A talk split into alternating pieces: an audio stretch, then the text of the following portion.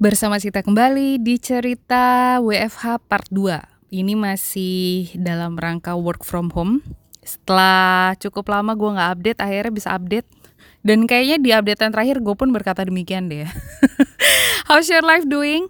Teman-teman, apakah sudah terbiasa dengan normal baru? Um, apa pun itu gue sih berharap uh, kita semua ini masih bisa bertahan ya dalam situasi yang nggak menyenangkan ini. Ingat aja ini bukan untuk diri sendiri tapi juga untuk kepentingan banyak orang lainnya gitu. Jadi intinya sih udahlah kita jangan egois dulu kali ya. Nah sejujurnya sih gue sendiri udah nggak tahu ini udah ada di hari keberapa WFH.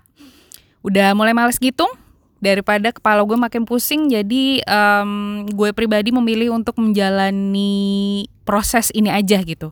Toh juga yang ngalamin ini banyak jadi banyak temennya dan um, intinya gue nggak sendiri gitu kan dalam ngejalanin dan merasakan apa yang sedang terjadi sekarang. Itu intinya ya. Sedunia cuy asli deh.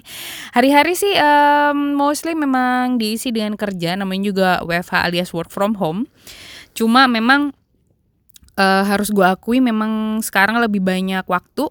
Jadi kalau selama ini mungkin waktu terbuang dengan macet-macetan di jalan, sekarang begitu melek cuci muka bisa langsung kerja. Nggak pakai mikir harus mandi dulu buru-buru dandan terus ke kantor pakai cara macet-macetan nunggu dapat ojol terus nanti sampai kantor belum lah mampir ke coffee shop dulu belum ngobrol belum nemenin temen ngerokok dan lain-lainnya ya. Nah itu tuh ternyata kalau waktunya semua di hitung udah lebih baik ternyata emang dengan WFH ini memang waktu di rumah memang jadi lebih banyak aja sih ya. Nah kalau gue sendiri sih di sini udah di itu sudah mencap, mencoba berbagai macam spot lah gitu.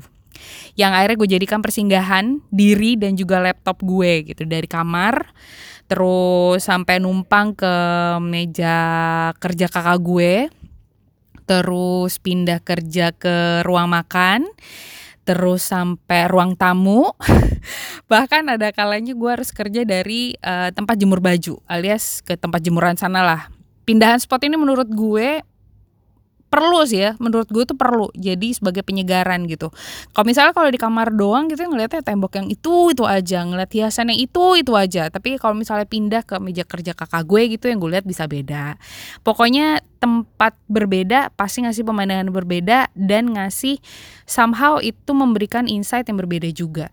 Dan gue merasa di saat-saat seperti ini hmm, bener-bener jadi apa ya saat-saat emang penuh tantangan banget karena gue pribadi ngerasa emang deh kita tuh memang kudu pinter-pinter banget nih puter otak biar nggak mati gaya. Walaupun emang harus gue akui ya, gue belum sukses belum sukses banget dalam hal yang satu ini karena masih sering banget merasa mati gaya sampai akhirnya uh, udah sebenarnya kerjanya udah selesai gitu. Terus karena bingung mau ngapain, akhirnya gue buka lagi balik buka laptop kerja lagi. Walaupun mungkin gak ada yang dikerjain tetep aja gitu. Akhirnya gue kayak menciptakan lapangan kerja sendiri aja gitu. Maksudnya biar biar biar nggak ngerasa bosen biar nggak ngerasa waktu tuh berjalan lama gitu. Ini yang namanya bosen terus stres terus depresi ini menurut gue jadi hal yang emang wajar banget sih ya terjadi di masa-masa seperti ini. Karena bayangin deh sebelum situasi begini aja yang hitungannya masih old normal lah gitu itu tuh wajar terjadi apalagi dalam situasi yang begini gitu jadi nggak heran pas memang yang namanya awal-awal uh, eh, WFH ini diterapkan itu banyak banget lembaga konseling atau lembaga psikologi emang sebar info gitu dan dan mereka tuh ngasih uh, ngasih tahu kalau mereka tuh menyediakan telinga mereka gitu. Nah kalau gue sendiri nih jujur pas masuk minggu ketiga lah ya waktu itu gue masih rajin gitu. Pas masuk minggu ketiga work from home nih udah ngerasain sendiri nih. Rasanya emang super duper nyiksa ya di gue. Kepala sampai cenut-cenut as in literally emang pusing banget. Terus um, ngerasa helpless ngerasa nggak berdaya. Terus takut takut banget parno sama semua hal yang ada di sekitar gue. Dan saking bingungnya gue tuh cuma sering lebih sering diem karena gue nggak tahu apa dulu yang harus gue lakukan gitu.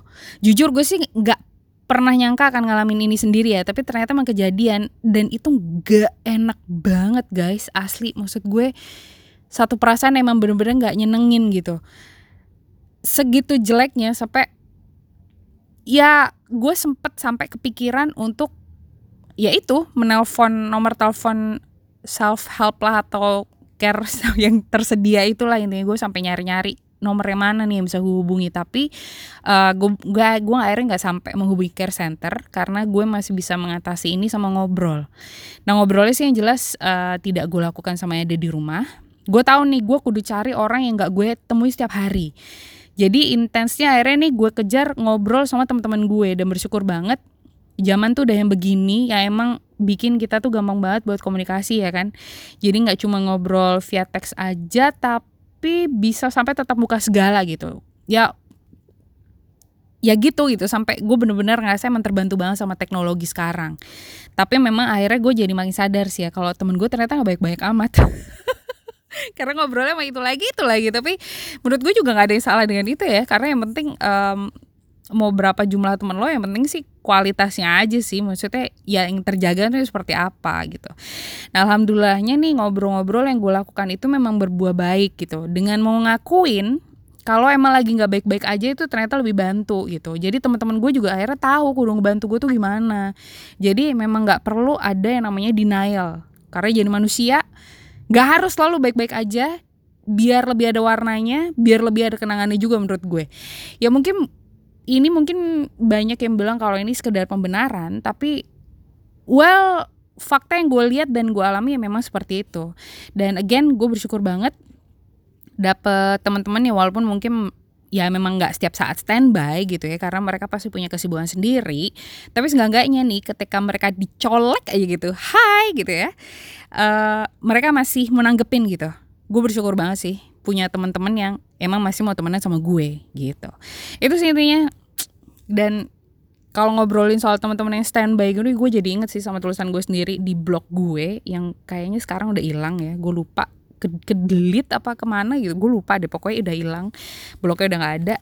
Ketika itu gue sempat menuliskan tentang perkara pertemanan lah intinya. Dan dan memang gue waktu itu bikin gongnya adalah teman itu adalah harta karun sih. Emang susah sih nyarinya gitu. Jadi begitu ketemu um, harus jaga dengan baik kali ya gitu ya. Jangan sampai pertemanannya juga jatuhnya sia-sia terus jatuhnya juga lebih banyak ruginya gitu ya.